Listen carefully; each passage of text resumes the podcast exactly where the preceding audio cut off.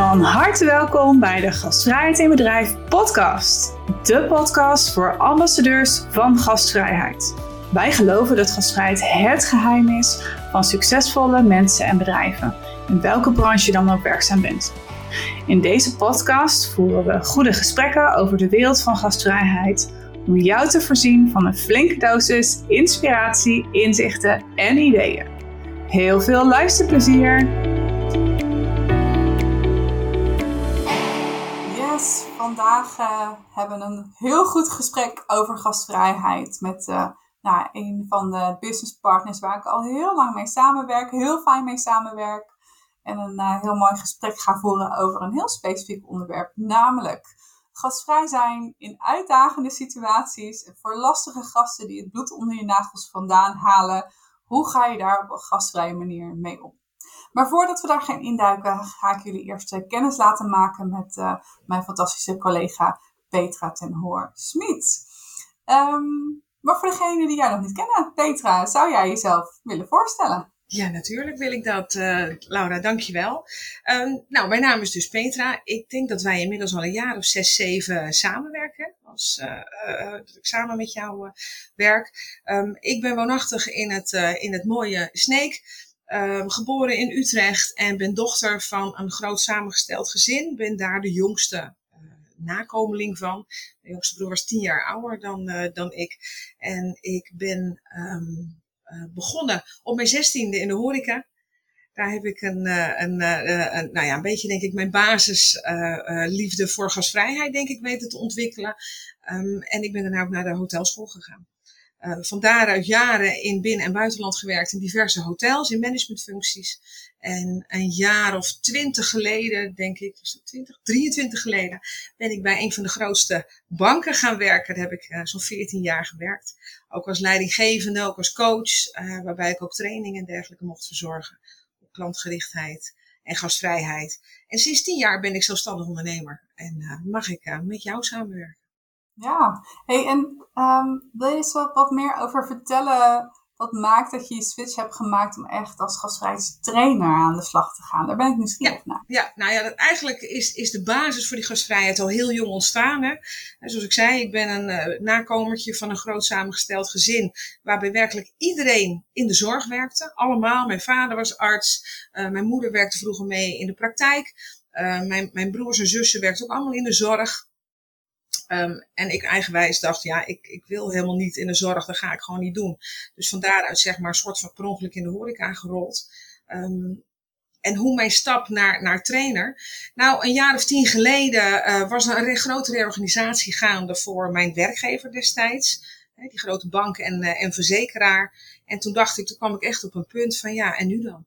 Wat ga ik doen met mijn leven en wat kan ik eigenlijk? En toen keek ik eens even terug en toen dacht ik, ja, ik heb volgens mij een hele mooie uh, uh, cv inmiddels opgebouwd. En eigenlijk de, ja, de grote ja, kern daarin was het omgaan met gasten, klanten, uh, cliënten, patiënten, bezoekers. En dat heeft mij ook altijd het meeste energie gegeven, het contact maken. En van daaruit dat ik dacht, ja, deze combinatie is natuurlijk fantastisch. Vanuit het, het, bedrijfsleven en vanuit letterlijk de horeca.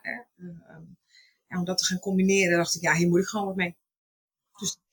Dus Waar, waar, waar ik nieuwsgierig naar ben, waarom dan specifiek ook gastvrijheid? Want je had natuurlijk ook communicatietrainer of sales trainer kunnen worden of iets dergelijks. Maar je hebt iets met gastvrijheid. Kun, kun je dat, dat terughalen wat, waar, waar, dan voor jou die passie zit?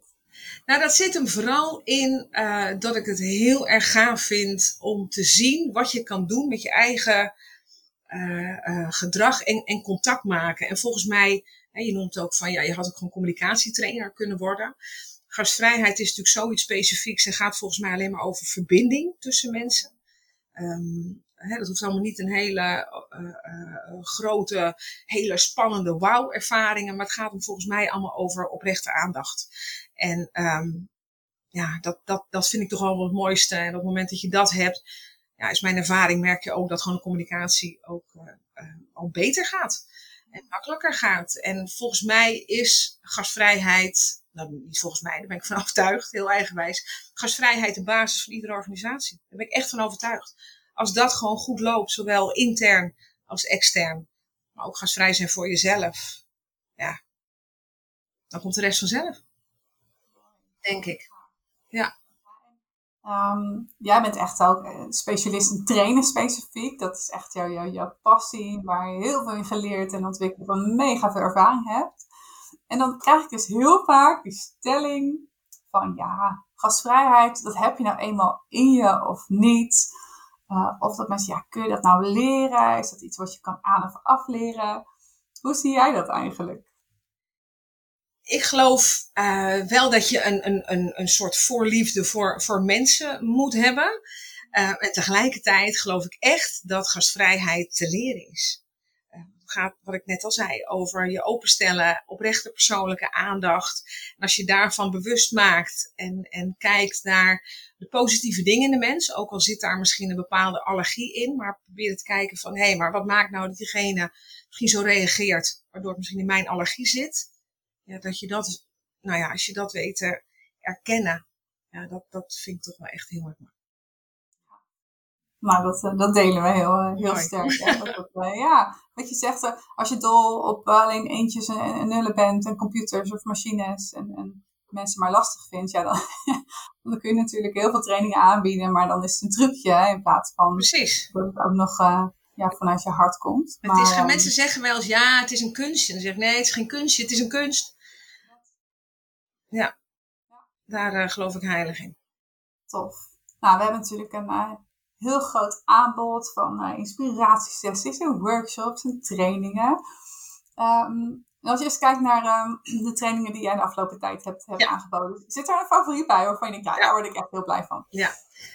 Um, waar ik heel blij van word is, um, en, en nou ja, op zich word ik daar natuurlijk minder blij van, want ik merk dat de laatste jaren, ja, mensen worden steeds mondiger, is mijn ervaring. Ik weet niet of je dat herkent, Laura. Um, en daardoor, nou ja, wel voor zichzelf op kunnen komen, durven komen. En dat is een hele mooie ontwikkeling. En tegelijkertijd merk ik ook dat, um, nou ja, soms de wat verbale agressie of dat het soms nog verder escaleert. Um, nou ja, ja, dat is iets wat, wat, wat ik merk is, is wel een trend. En ik merk dat ik die trainingen ook wel heel erg leuk vind om te geven. Om mensen bewust te maken van het feit van ja, hoe stel je nou je eigen grenzen. Um, maar vooral ook, uh, wat maakt nou dat die ander zo reageert? Uh, wat zegt dat misschien over iets heel positiefs over de ander? En hoe kun je nou zo reageren dat je uh, nou, in ieder geval het gesprek misschien met een goed gevoel beëindigt. En dat het aan beide partijen ook goed voelt. En dat vind ik heel erg gaaf. En dat vind ik ook heel mooi van gastvrijheid en van communicatie. Is dat je, nou ja, weet je, je kan de ander niet veranderen. Het enige wat je kan veranderen is zeg maar hoe jij kan reageren op de ander. En, en daar kun je zoveel in mee in doen. En ja, dat, dat vind ik wel het mooiste. Om die bewustwording uh, bij de mensen uh, te krijgen. En ja, ze, ze, ze, dat aan te leren. Dat met hele kleine dingetjes, mindsets, uh, een hele grote wereld van verschil kan ontstaan voor jezelf. Waardoor je, weer, je werk ook gewoon fijner wordt. Dat. Ja, dus die training vind ik wat voordat we, voordat we echt daar, daar wat dieper in gaan duiken van, nou, hoe kun je dan juist gastvrij zijn in die, die, uh, die situaties? Ben ik, ben ik wel even nieuwsgierig naar wat je inderdaad hoort en ziet. Want je hebt natuurlijk heel veel mensen de afgelopen jaren gesproken en ook de vraag gesteld hebt van wat is dan voor jou een uitdagende of lastige situatie is. Um, wat overigens natuurlijk wel echt een super mooie methode is. Want doe me denken aan de, de Starbucks methode. Volgens mij is dat Starbucks methode, heb ik ooit een keer laten vertellen. Dat, dat Starbucks eigenlijk niet echt een training gastvrijheid geeft. Of mm -hmm. nou, hoe ze het ook, ook noemen. Maar echt alleen maar trainingen geeft van hoe ga je, blijf je gastvrij als je een klacht krijgt. Of als Precies. er een collega ziek is en je moet ineens uh, een, tartje harder gaan rennen. Of dat er ineens een rij voor de, voor Ja. de balie staat. Hoe, Dat. of voor de counter staat. Hoe, ga je, hoe blijf je dan gastvrij? Want als het lust, lukt in die lastige situaties, dan lukt het je ook als het rustig Exact. Precies dat. Weet je, we zijn allemaal mensen. En ieder mens heeft zijn eigen rugzakje met nou ja, gedoe. Ehm, soms heb je gewoon slecht geslapen. Soms is er gewoon heel veel verdrietige dingen tegelijk aan de gang. En dat is niet alleen voor je gasten zo, maar ook voor jezelf. En bij bepaalde type gedrag kan ik me ook voorstellen dat nou, het ene type kun je nou beter overweg dan, dan de ander. Dus, en sommige soorten gedrag zitten misschien in je allergie. Dat kan een trigger zijn van vroeger. Ja, op het moment dat je dat, je dat beseft en dat realiseert en, en dat weet om te draaien naar een positief gesprek. Ja, dan maak je werk veel makkelijker. Dus dat vind ik een hele mooie methode die Starbucks doet. Ja, echt Ja. Ja, maar wat hoor je dan terug zo van medewerkers waar ze in de... Want je zegt van het is toegenomen voor jou, uh, ja. voor jouw beeld. Ik hoor het ook ja. vaker om, uh, omheen. Het ligt hem wel aan de regio en het type bedrijf natuurlijk wel. Hè? Maar... Ja, nee, ik merk in alle branches. En ik train echt letterlijk van noord tot zuid en oost tot west. Ik woon zelf in het noorden, maar ik, ik kom van Zeeland tot Limburg, tot Groningen, tot Enschede, tot Randstad, noem maar op. En ook alle branches. Dus of dat nou zorg is, of dat nou callcenters zijn, uh, retail, of dat nou facilitair is of gemeentes. Um, het is allemaal, horen we en merken we dat, nou ja, dat dit speelt. Ja, op alle niveaus. Dus dat, mijn, mijn ervaring is niet dat dat regio- of branchegebonden is. Nee. het is natuurlijk wel een zorgelijke trend. Ja, is het ook. Kun je voorbeelden noemen van wat, waar medewerkers mee te maken krijgen, wat voor hun uitdagend is? Ja, um, mensen die uh, worden vaak arrogant uh, genoemd um, uh, dwingend, bedweterig, drammerig. Um, even kijken, wat nog meer? Klagerig, gesloten, of juist extreem veel praten, waardoor ze er niet meer tussen komen. Um, onredelijk. Nou ja, moet ik even doorgaan. Ik word helemaal negatief ervan. Ja, van alles. Kleinerend. Ja. En soms ook echt letterlijk agressief en persoonlijk. En dat is natuurlijk heel kwalijk. Ja. Um, ook daar trainen we, trainen we in. Ja, dat is een ander type training, denk ik, hè? Wat zeg je? Agressie of... Uh, het lijkt me een ander type training of je echt omgaat met agressie of non-verbale agressie hebt of lastige situaties. Of is dat nou, dat zeg je nee. Dat gaat toch, ik zie dat anders. En nou heb ik het echt over verbale agressie. Hè? Dus fysieke agressie en dreiging en zo. Dat is gewoon politie bellen. En die, die trainingen doe ik niet. Uh, maar echt verbale agressie. Maar nee, op het moment dat iemand bijvoorbeeld drammerig wordt ervaren of, of, of um, uh, arrogant of, of nou ja, noem maar op wat ik allemaal net noemde. Um, als daar niet op de juiste manier mee wordt omgegaan, dan kan het dus escaleren. Want op het moment dat een gast of een klant of nou ja, noem maar op, uh, zich niet gehoord voelt of zich niet serieus genomen voelt, um, kan het zijn dat hij nog verder doorslaat in het gedrag, waardoor het alsnog persoonlijk en agressief kan worden. En dat je inderdaad gewoon, nou ja, dat mensen. Wat ik hoor laatst nog bij een grote retailorganisatie dat mensen werden echt uitgescholden met, met, met, met ziektes. En, en nou, je wilt niet weten. Je wilt niet echt schokkend. Echt schokkend. Ja. Dus nee, die, die liggen juist heel dicht bij elkaar. Wat, ik wel heel, um, wat me wel heel vaak verbaast, ik ben benieuwd hoe jij het ziet. Um, het wordt natuurlijk, en daar ben ik heel blij om, heel veel trainingen gegeven in organisaties omgaan met agressie volgens mij de OMA-training heet het ook, hè? Niet agressietraining, want dan leer je agressief te worden, maar omgaan met agressietraining. um, ik zie een beetje een soort van code oranje en code rood. Weet je, code rood is inderdaad agressie, uh, ook non-verbale agressie. Dat, wat ik zie is dat er dat dat, dat misschien nou, ho hopelijk 1% van de gevallen zo, zo is, dat het echt code rood wordt. Maar dat, dat, dat oranje gebied, of dat grijze gebied, als het gedrag lastig is, zeg maar, als ik het mm -hmm. zo moet, uh, moet noemen.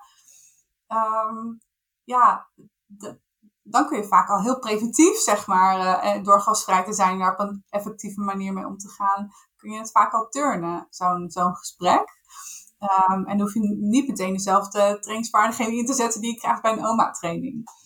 Um, hoe zie jij dat? Um, ja, nogmaals, ik denk hetzelfde wat ik, wat ik net al zei. Ik denk dat je heel veel agressie uh, kan voorkomen, juist door je communicatie zo aan te passen en heel goed te luisteren uh, naar de ander. Uh, weet je, op het moment dat iemand heel hoog in zijn emotie zit, en hoog in zijn emotie kan natuurlijk echt verdriet zijn, hè, dat iemand huilt. Uh, maar hoge emotie kan, kan ook een bepaalde frustratie zijn of irritatie. Betekent dat niet dat ze altijd lopen te schreeuwen. Dat kan ook op een hele rustige manier. Maar op het moment dus dat hè, of als iemand heel gefrustreerd is, daar heel duidelijk en op deze manier in communiceert en ik wil dat u het nu voor mij gaat regelen, kan de ander misschien ervaren, oh, dus niet agressief. En toch, nou ja, kan de ander dat misschien wel zo ervaren. Op het moment dat in ieder geval hoog in zijn emotie zit, zeggen wij altijd, overal waar emotie zit, zit geen verstand meer. Dus op het moment dat die emotie hoog is, hè, we noemen dat dan over de rooien. En nogmaals, dat hoeft niet altijd scheldend en schreeuwend te zijn. Dat kan ook heel beheerst zijn. Op het moment dat je dat voelt, dan zit iemand boven het rationele niveau. En op het moment dat je boven het rationele niveau zit in je emotie, kun je niet meer helder denken. En ehm, dat is echt heel belangrijk om dat te kunnen aanvoelen. Ik noem dat altijd, er staat iemand op de berg van emotie. Ehm, en dan zit jij nog heel rustig daaronder. Ja, de kunst is gewoon om dan ja, nauwkeurige empathie te tonen. Dus echt letterlijk zeg maar zo goed mogelijk onder woorden te kunnen brengen wat de ander uh, bedoelt en voelt. En daardoor ook laten merken dat je die ander begrijpt. En, en als je dat kan, voorkom je vaak heel veel verdere agressie. Dus ik, ik, nogmaals, ik zie ze echt wel samen. Ja. Dus het gaat niet alleen maar over gastvrij zijn. Dat is ook gastvrij zijn. Echt wel. Gewoon gesprekstechnieken toepassen. Ja, ja. Heel bewust. En ja, dat is iets wat je natuurlijk heel goed kan trainen. Want ja. als je kijkt naar, naar die uh, groepen die je hebt gehad. Wat zie je dan aan bijvoorbeeld ineffectief gedrag in zo'n situatie? Of, of juist ongastvrij uh, gedrag wat het kan escaleren. Kun je daar voorbeelden van noemen? Zeker, zeker.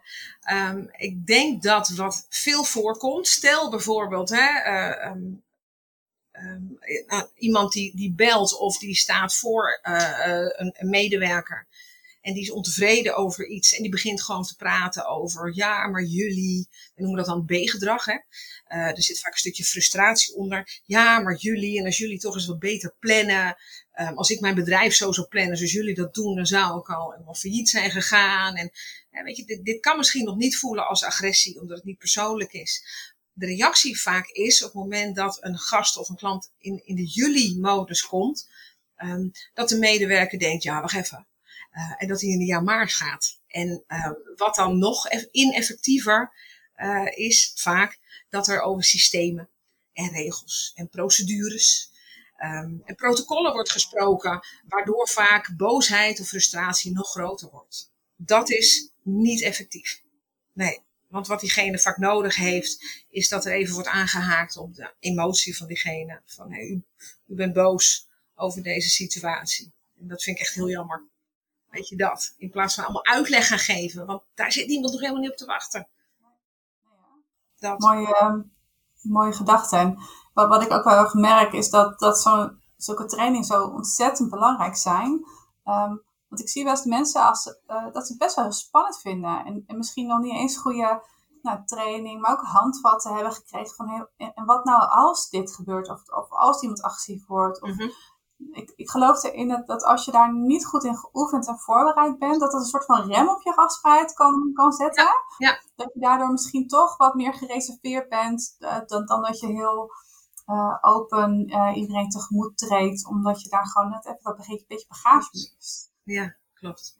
Ja, wat, wat, wat ik herken of wat, wat ik vaak hoor, is dat mensen het lastig vinden van ja, wat, wat kan ik dan zeggen op zo'n moment? Wat is dan het beste? Um, en denken vaak hele mooie gedachten, maar op een of andere manier, omdat iemand dan op zijn werk zit, denken we vaak, oh, maar dat is gek als ik dat ga zeggen. Dan, terwijl vaak is je eigen gedachte is vaak heel effectief op het moment dat iemand iets tegen je zegt waarvan je denkt, ah, wat ga ik hier nou op zeggen? Dan is dat vaak hele mooie tekst. Namelijk, wat u nu zegt, ik, ik val gewoon even stil. Ik weet niet zo goed wat ik, wat ik hierop moet zeggen. En laat er maar een stilte vallen.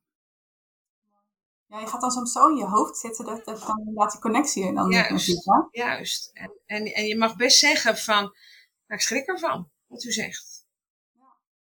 En dan weer stilte laten vallen. Oh, die ook, hè? Die stiltes. Ja. Ja. ja. ja. zijn we zo niet gewend dan. Die Heel effectief. Vinden we vaak spannend. We hebben het idee dat we alles vol moeten kletsen. Of niet. Want die stilte geeft juist de ander uh, de mogelijkheid om zelf even na te denken. Want op het moment moet je voorstellen dat jij bij ergens in een ziekenhuis staat, een afspraak, en je afspraak loopt uit. Je hebt een afspraak om drie uur bij de arts en om kwart voor vier zit je er nog in de wachtkamer. En je gaat naar die medewerker toe, want je denkt, potverdorie, ik heb een bedrijf en ik moet zo op een andere afspraak. En, die, en, en je bent een beetje boos of geïrriteerd. Want misschien is er ook wel wat anders aan de hand, want dat weten we natuurlijk nooit. Hè? We zien nooit wat er allemaal nog meer speelt. Um, en je zegt tegen, dat tegen die medewerker, uh, je begint een beetje zo. En die medewerker zegt, oh, ik, hier schrik ik van. En wat zou er gebeuren met jou? Op dat moment. En de stilte laten vallen. Ja, ja dan, dan krijg je echt de spiegel voor. Precies. Ja, ja, ja, het is echt wel uh, een goeie. Die ga ik wat vaker toepassen. Heel, heel effectief. Heel, handig voor heel effectief, ja. Mooi. En, neem ons mee naar, naar zo'n training, weet je. Hoe, hoe pak je dat dan aan in de praktijk? Uh, want het, dan hoor je ook wel eens hè, dat dat soms gewoon letterlijk even oefenen of het voorbereiden in je hoofd. Wat ga ik dan zeggen? Wat kan ik doen dat het heel kan helpen? Nee, hoe pak je dat aan? Nou, je, ja, nee, helemaal goed. Ik werk um, nou, het liefste samen met nog iemand. Um, uh, en, en die noemt zich, in, in de volksmond wordt dat vaak genoemd, een trainingsacteur of trainingsactrice. Uh, wij noemen dat anders. We noemen dat een gedragsleverancier. Want diegene bij een acteur of bij een actrice denk je vaak, oh, we gaan rollenspellen doen. Dat noemen we het verboden woord. Um, want het is geen rol en het is geen spel. Um, het is geen toneelstukje, het is geen acteren. Zij reageert gewoon op gedrag. He, het is in dit geval is het een dame, een neeltje met wie ik veel samenwerk. Um, en hoe pakken wij zo'n training aan? Nou ja, ik ga inventariseren van welk gedrag vind je nou lastig. Dat doe ik eigenlijk in het, in het begin vaak al. Als ik ze van tevoren niet heb gesproken. Vertel eens, wat vind je lastig? En wat is dan het effect op jou? Wat merk ik dan? Nou, dan, dan is het, werkt dat vaak al heel verbindend binnen het team. Um, want die zeggen van, oh, heb jij dat ook? Oh, gelukkig. Dus op die manier al. Maar op die manier halen wij al een beetje op uh, van, ah, oké, dus dit is gedrag waar men het meeste moeite mee heeft en dit is wat er dan gebeurt. En wat we letterlijk doen, is, uh, we gaan dingen gewoon uitproberen. Dus zo'n gedragsleverancier noem ik altijd heel oneerbiedig wij werken al jaren samen, levert oefenmateriaal. Een soort laboratorium. Ga maar dingen uitproberen. Want het heeft geen consequenties. Namelijk als je dat bij je gasten doet en dat pakt verkeerd uit, ja, dan kan dat misschien heel vervelend zijn. Je kan het gewoon een beetje op haar oefenen, een beetje dingen uitproberen. Een beetje prutsen, even kijken wat werkt. Zo noemen we dat. En dat is de basis van de hele training. Um, dat denk ik, want weet je, ik kan je gaan vertellen hoe iets moet, hè. En ik kan je daar een filmpje over laten zien. En je kan je er allemaal handouts en mooie theorie over vertellen. Um, maar dat wil niet zeggen dat je het kan. Ik weet niet, toen jij, ik neem aan dat jij kan fietsen, Laura. Kan je fietsen? Hoe heb je dat geleerd?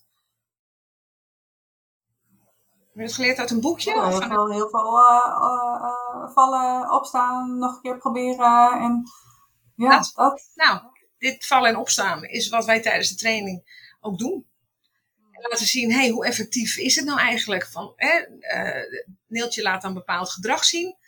Um, en diegene mag daar gewoon dan op oefenen. Nou, op een gegeven moment stoppen we dat dan. Hè. Dat kan na een minuut of twee minuten zijn. Geven vooraf wel een helder doel mee. Het doel is om bijvoorbeeld te deescaleren. Um, en ook de relatie goed te houden. Hè. Dus voorkomen dat het escaleert en de relatie goed te houden. Geven dan twee doelen mee. En laten zo'n medewerker daarop, vraag altijd vrijwilliger. Ik wijs nooit aan. Laten we dat uit de groep komen iedereen vindt het altijd heel spannend. Van ja, wat ben ik wel benieuwd naar. Ik, ik, ik, weet nog zelf mijn allereerste training toen ik uh, mijn eerste grote mensenbaan had in het ziekenhuis. Ja. Het, het, het, was volgens mij net 19, 20 of ah. zo. En er was een, een training, um, uh, volgens mij een HR-training was het, voor als medewerkers ziek, wa, uh, oh, ja. ziek melden. Dus het is nog een hele tijd hip geweest om dan te gaan vragen, nou, hoeveel vakantiedagen wil je daarvoor opnemen? ja, dat is nog een hele tijd een beetje pittig beleid geweest. En Over gastvrijheid, interne gastvrijheid gesproken. Ja. Dus daar een andere wind gaan uh, waaien. Ik weet nog dat ik dacht, oh mooi, dat is een jonge meisje, die uh, mooi dingetje, die gaat dan mooi als eerste En sindsdien uh, ja, heb ik een beetje een haat-liefde verhouding met, met rollenspellen. En dat hebben denk ik de meeste deelnemers. Ja. Ja. maar het grappige is, alle deelnemers die bij de training hebben gevolgd, um, zijn daarna gewoon, gewoon fan en willen dan weer vervolg hebben. Wat is het verschil dan tussen wat jij doet met Neeltje en wat je denkt dat dat andere wellicht? Ja, uh, de eerste is gewoon de helder, nou ja, eerst laagdrempelig. In eerste is, wij vertellen nooit van tevoren uh, aan de deelnemers dat er iemand meekomt, zeg maar. Dus dat zeg ik wel tegen de opdrachtgever. Vertel het alsjeblieft niet. Want mensen gaan zich van alles in hun hoofd halen. En dat is wel spannend. Dus ze komen binnen en zien twee mensen. En uh, nou, dan doen we voorstelronden op verschillende manieren. En Neeltje zit daar dan nog niet, die zit er wel bij. Maar die, die, die stelt zichzelf niet voor. En op een gegeven moment zeg ik van nou, ik weet niet of je het gezien hebt, maar ik heb nog iemand het meegenomen. Nou, ik geloof me, zij is echt niet de meeste. Een hele bruisende uh, uh, nou, dame. Um, en dus, nou ja, dat doen we door middel van een, van een leuke oefening, een communicatieoefening, een LSD-oefening noemen we dat. Luisteren, samenvatten, doorvragen, waarbij mensen mogen vragen um, alles aan haar mogen vragen. En op die manier al een beetje spelenderwijs kennis met haar laten maken. Dat is een methode wat we veel gebruiken. Die manier merken ze al een beetje dat, dat, nou ja, dat het eigenlijk een heel leuk mens is. Niet eigenlijk, dat het een heel leuk mens is. Uh, dat is het al een beetje, dus die verbinding leggen. Um, de laagdrempeligheid en uh, uh, men voelt zich veilig. Een van de dingen is dus inderdaad wat ik net zei. Ik wijs niet aan van jij moet nu, moet niks. Als je het echt niet wil, dan doe je het gewoon niet. Maar het grappige is, soms weten mensen wel van tevoren dat er iemand bij komt. Gebeurt het regelmatig dat zo'n deelnemer zegt, ja, uh, ik weet dat er een actrice bij is. Maar um, ja, ik, ik, ik vind dat niks. Dus ik ga niet oefenen. Ik ga niet meedoen daaraan. Maar ik kijk wel. Oh, prima, zeg ik dan. Gewoon jammer, maar prima. Ga ik verder geen discussie over aan. 9 van de 10 keer nadat die verbinding is gelegd. En ik vraag, goh, wie zou dat eens willen uitproberen? Hè, bepaald iets. Is 9 van de 10 keer zegt juist diegene die eerst zei, nee. Oh, ik wil wel. Um, dus een stuk laagdrempeligheid en denk ik heel belangrijk, een stuk humor dat is gewoon echt belangrijk. Gewoon niet te zwaar en groot neerzetten. Wij lachen wat af. Echt, we lachen wat af, de hele groep. Dus we lachen niet de mensen uit, en dat bedoel ik niet. Maar de sfeer, dat, ik hoor regelmatig ook dat mensen in de zalen bijvoorbeeld naast ons even komen kijken van wat is die leuk, wat zijn jullie allemaal aan het doen. Dus dat is denk ik een hele belangrijke. En, uh, ja, en mijn draaiboeken zitten, zijn niet in hè, trainingsdraaiboeken in beton gegoten. Dus wij sluiten echt aan op de deelnemers. Dus ik kan wel van alles bedacht hebben. Ik weet natuurlijk wat de leerdoelen zijn, hè, overleg met de, met de, met de, uh, de opdrachtgever. Um, maar als er soms eens even een zijpad genomen moet worden, via rotonde, et cetera, en dan weer terug, nou dan pak ik die. Als, hè, dus we hebben inmiddels zoveel bagage in onze rugzak. Dus wij passen ons echt optimaal aan op de deelnemers. Zo van, oh, dit vind je lastig? Nou, gaan we, pakken we die ook erbij. Ja, dat gun ik ieder team merk ik ook als je kijkt naar programma's. Hè, um, bij, ons, als wij een programma aanbieden, dan is het natuurlijk niet alleen een inspiratietraining of een leuk verhaal. Maar proberen ook echt daarna door te pakken in nou, wat kun je dan echt concreet gaan veranderen. Uh, maar ook in gedrag, wat kun je gaan, gaan trainen. En ik denk dat dat wel een hele belangrijke is voor mensen die zich ook bezighouden met gastvrijheidsontwikkeling. Um, ga verder dan alleen inspiratie en bewustwording. Exact. Maar ga er nou ook echt mensen handvatten geven om nog beter gastvrij om te gaan met situaties. Exact. En je moet het intrainen. Weet je, je moet het doen door het te leren. En weet je, op wat ik zei, fietsen kun je niet leren van een filmpje. Dan snap je hoe het moet en dan begrijp je ook waarom. Maar dat wil niet zeggen dat je het kan. En dat is met dit precies zo. Je moet het doen om het te leren. Dat betreft is dat een, eh, een hele mooie boodschap. Um, nog even de, de, vraag, wat zijn nou echt de, de gouden tips? Want er zullen waarschijnlijk ook mensen luisteren die ook in de frontlinie werken, veel te maken hebben met klanten en gasten. En denken, oh ja, deze situaties herken ik ook. Dat je zo'n jeuk krijgt of bloed onder de nagels vandaan wordt gehaald als je zo'n type voor je hebt staan. Ja. Uh, zonder nog even te oefenen. Wat voor gouden tips zou je meegeven aan, aan, aan mensen die in zo'n situatie zijn? Mijn metafoor is hier altijd voor de zes of de negen. Um, wat ik vaak doe, is een, een stuk papier pak ik, daar schrijf ik een grote zes op, die gooi ik midden in de groep. Zeg ik tegen de ene persoon, wat zie jij? Die ziet een zes. En degene haar uh, lijnrechter tegenover ziet een negen. En ik denk dat je daar de grootste tip hebt. Want wie heeft er nou gelijk? En als je dat kan, hè, dus wat mijn tip hierin zou dus zijn, denk even rustig na. Denk nou, wat maakt nou dat deze persoon zo tegen mij doet? Op het moment dat je dat kan realiseren, dus je merkt dat misschien je irritatie zelf een beetje wegzakt. Vaak is bepaald gedrag wat, wat iemand irritant vindt, zit iets heel moois namelijk in. Want iemand die misschien als heel arrogant wordt gezien, um, het is heel goed van diegene is dat hij misschien heel zelfverzekerd is of heel duidelijk is in wat hij wil. Nou, dat, dat is weer die zes en die negen. Bekijk het eens van verschillende perspectieven. En die, en, en die empathie die emotie moet eerst naar beneden, die angel moet er eerst uit. Mooi. Dus het is eigenlijk soms ook je eigen allergie, waardoor je iemand als lastig ervaart. En hoeft hem niet zo'n lastig gedrag per se Nee, het is vaak actie en reactie. Weet je, je kan niet iemand veranderen die niets verkeerd zit aan zijn, uh, aan zijn gedrag, maar je kan alleen maar de manier veranderen waarop jij op dat gedrag reageert.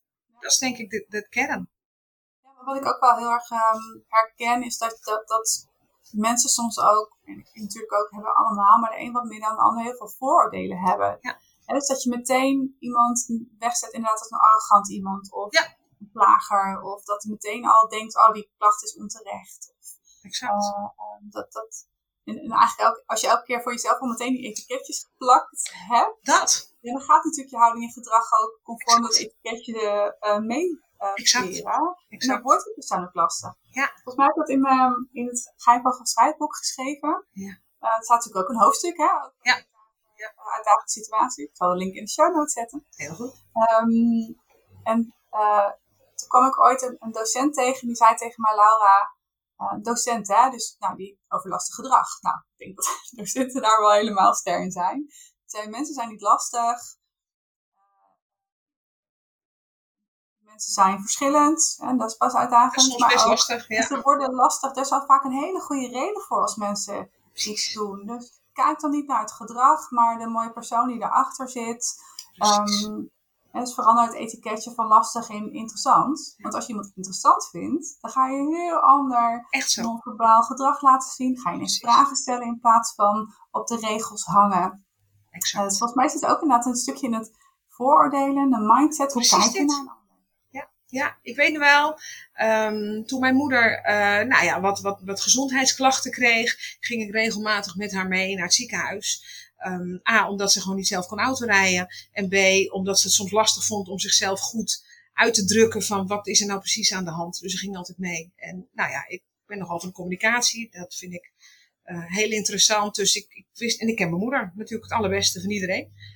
Dus dan ging ik met ze mee. En ik weet, want ik train ook veel in de zorg. En ook wel in dat ziekenhuis heb ik wel getraind. En um, dat, dat vaak de, moed, de dochters van zo'n oudere moeder worden vaak gezien als heel bemoeiachtig. Bemoeierig. En wat zegt dat nou precies? Dat ik misschien heel bemoeizuchtig ben over mijn moeder en, en, en misschien daarin naar voren trek. Wat, wat zegt dat over mij? He, legde ik ook terug. Nou ja, wat zou dat over mij zeggen, Laura? Ja, dat je juist, uh, volgens mij bedoel je juist heel erg vanuit liefde en gedrevenheid, dat je het graag wil, wil, wil, wil helpen. En Precies dat. ook niet alleen je moeder, maar ook volgens mij die dienstverlener op dat moment, om, om de juiste zorg te kunnen bieden in dit. Precies.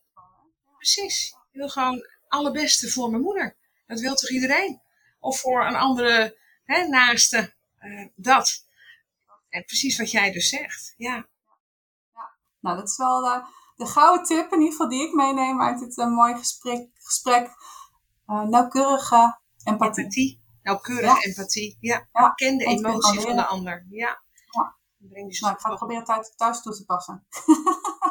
Goed zo. Kom eens een keer met training en dan gaan we even oefenen. Dan kun je even oefenen op mailtje. Ja. En dan leer je het echt optimaal. Ja. Nou, we zijn uh, aan het einde van de podcast gekomen. Heb jij nog een, een uitbrander? Ben ik een vraag vergeten? Wil je nog graag iets meegeven? Nou, dit is, dit is best een heel groot onderwerp, uh, merk je. Ik, ik denk dat, um, ja, dat we hier nog veel langer over door kunnen, kunnen praten. En ik stel voor dat we dat misschien maar gaan doen. Want ik kan je nog veel meer vertellen over dat ABC-gedrag en hoe daarmee om te gaan. En, en heb nog veel meer tips. Dus, een uitstekend idee. Ja. En meteen ook een oproep aan jou als luisteraar. Heb je specifieke uh, onderwerpen, voorbeelden, casussen of dingen waar je meer over wil horen van Petra en mij of een van de collega's van Gastvrijheid in Bedrijf? Of misschien wil je zelf wel uh, je verhaal kwijt of je ervaring delen. Dan uh, wil ik je van harte uitnodigen om dat met ons te delen. Uh, en dan uh, zullen we die input zeker meenemen in de opname van de volgende podcast. En ik zie er naar uit om je dan in een van de volgende afleveringen weer te kunnen inspireren. Bedankt voor het luisteren naar de Gastvrijheid in Bedrijf podcast. We hopen dat je hebt genoten van ons gesprek en dat je klaar bent om jouw gastvrijheid naar een hoger level te tillen. Ken jij andere mensen die ook een passie voor gastvrijheid hebben? Deel dan deze aflevering en help zo anderen bij het creëren van een geweldige ervaring voor gasten en medewerkers. Vergeet niet om je te abonneren op onze podcast en om ons te volgen op social media, zodat je altijd op de hoogte blijft van nieuwe afleveringen en updates. Maar wil je meer weten over gastvrijheid? Ga dan naar www.gastvrijheidinbedrijf.nl voor meer inspiratie en tools. Nog ontzettend bedankt voor het luisteren en heel graag tot de volgende keer.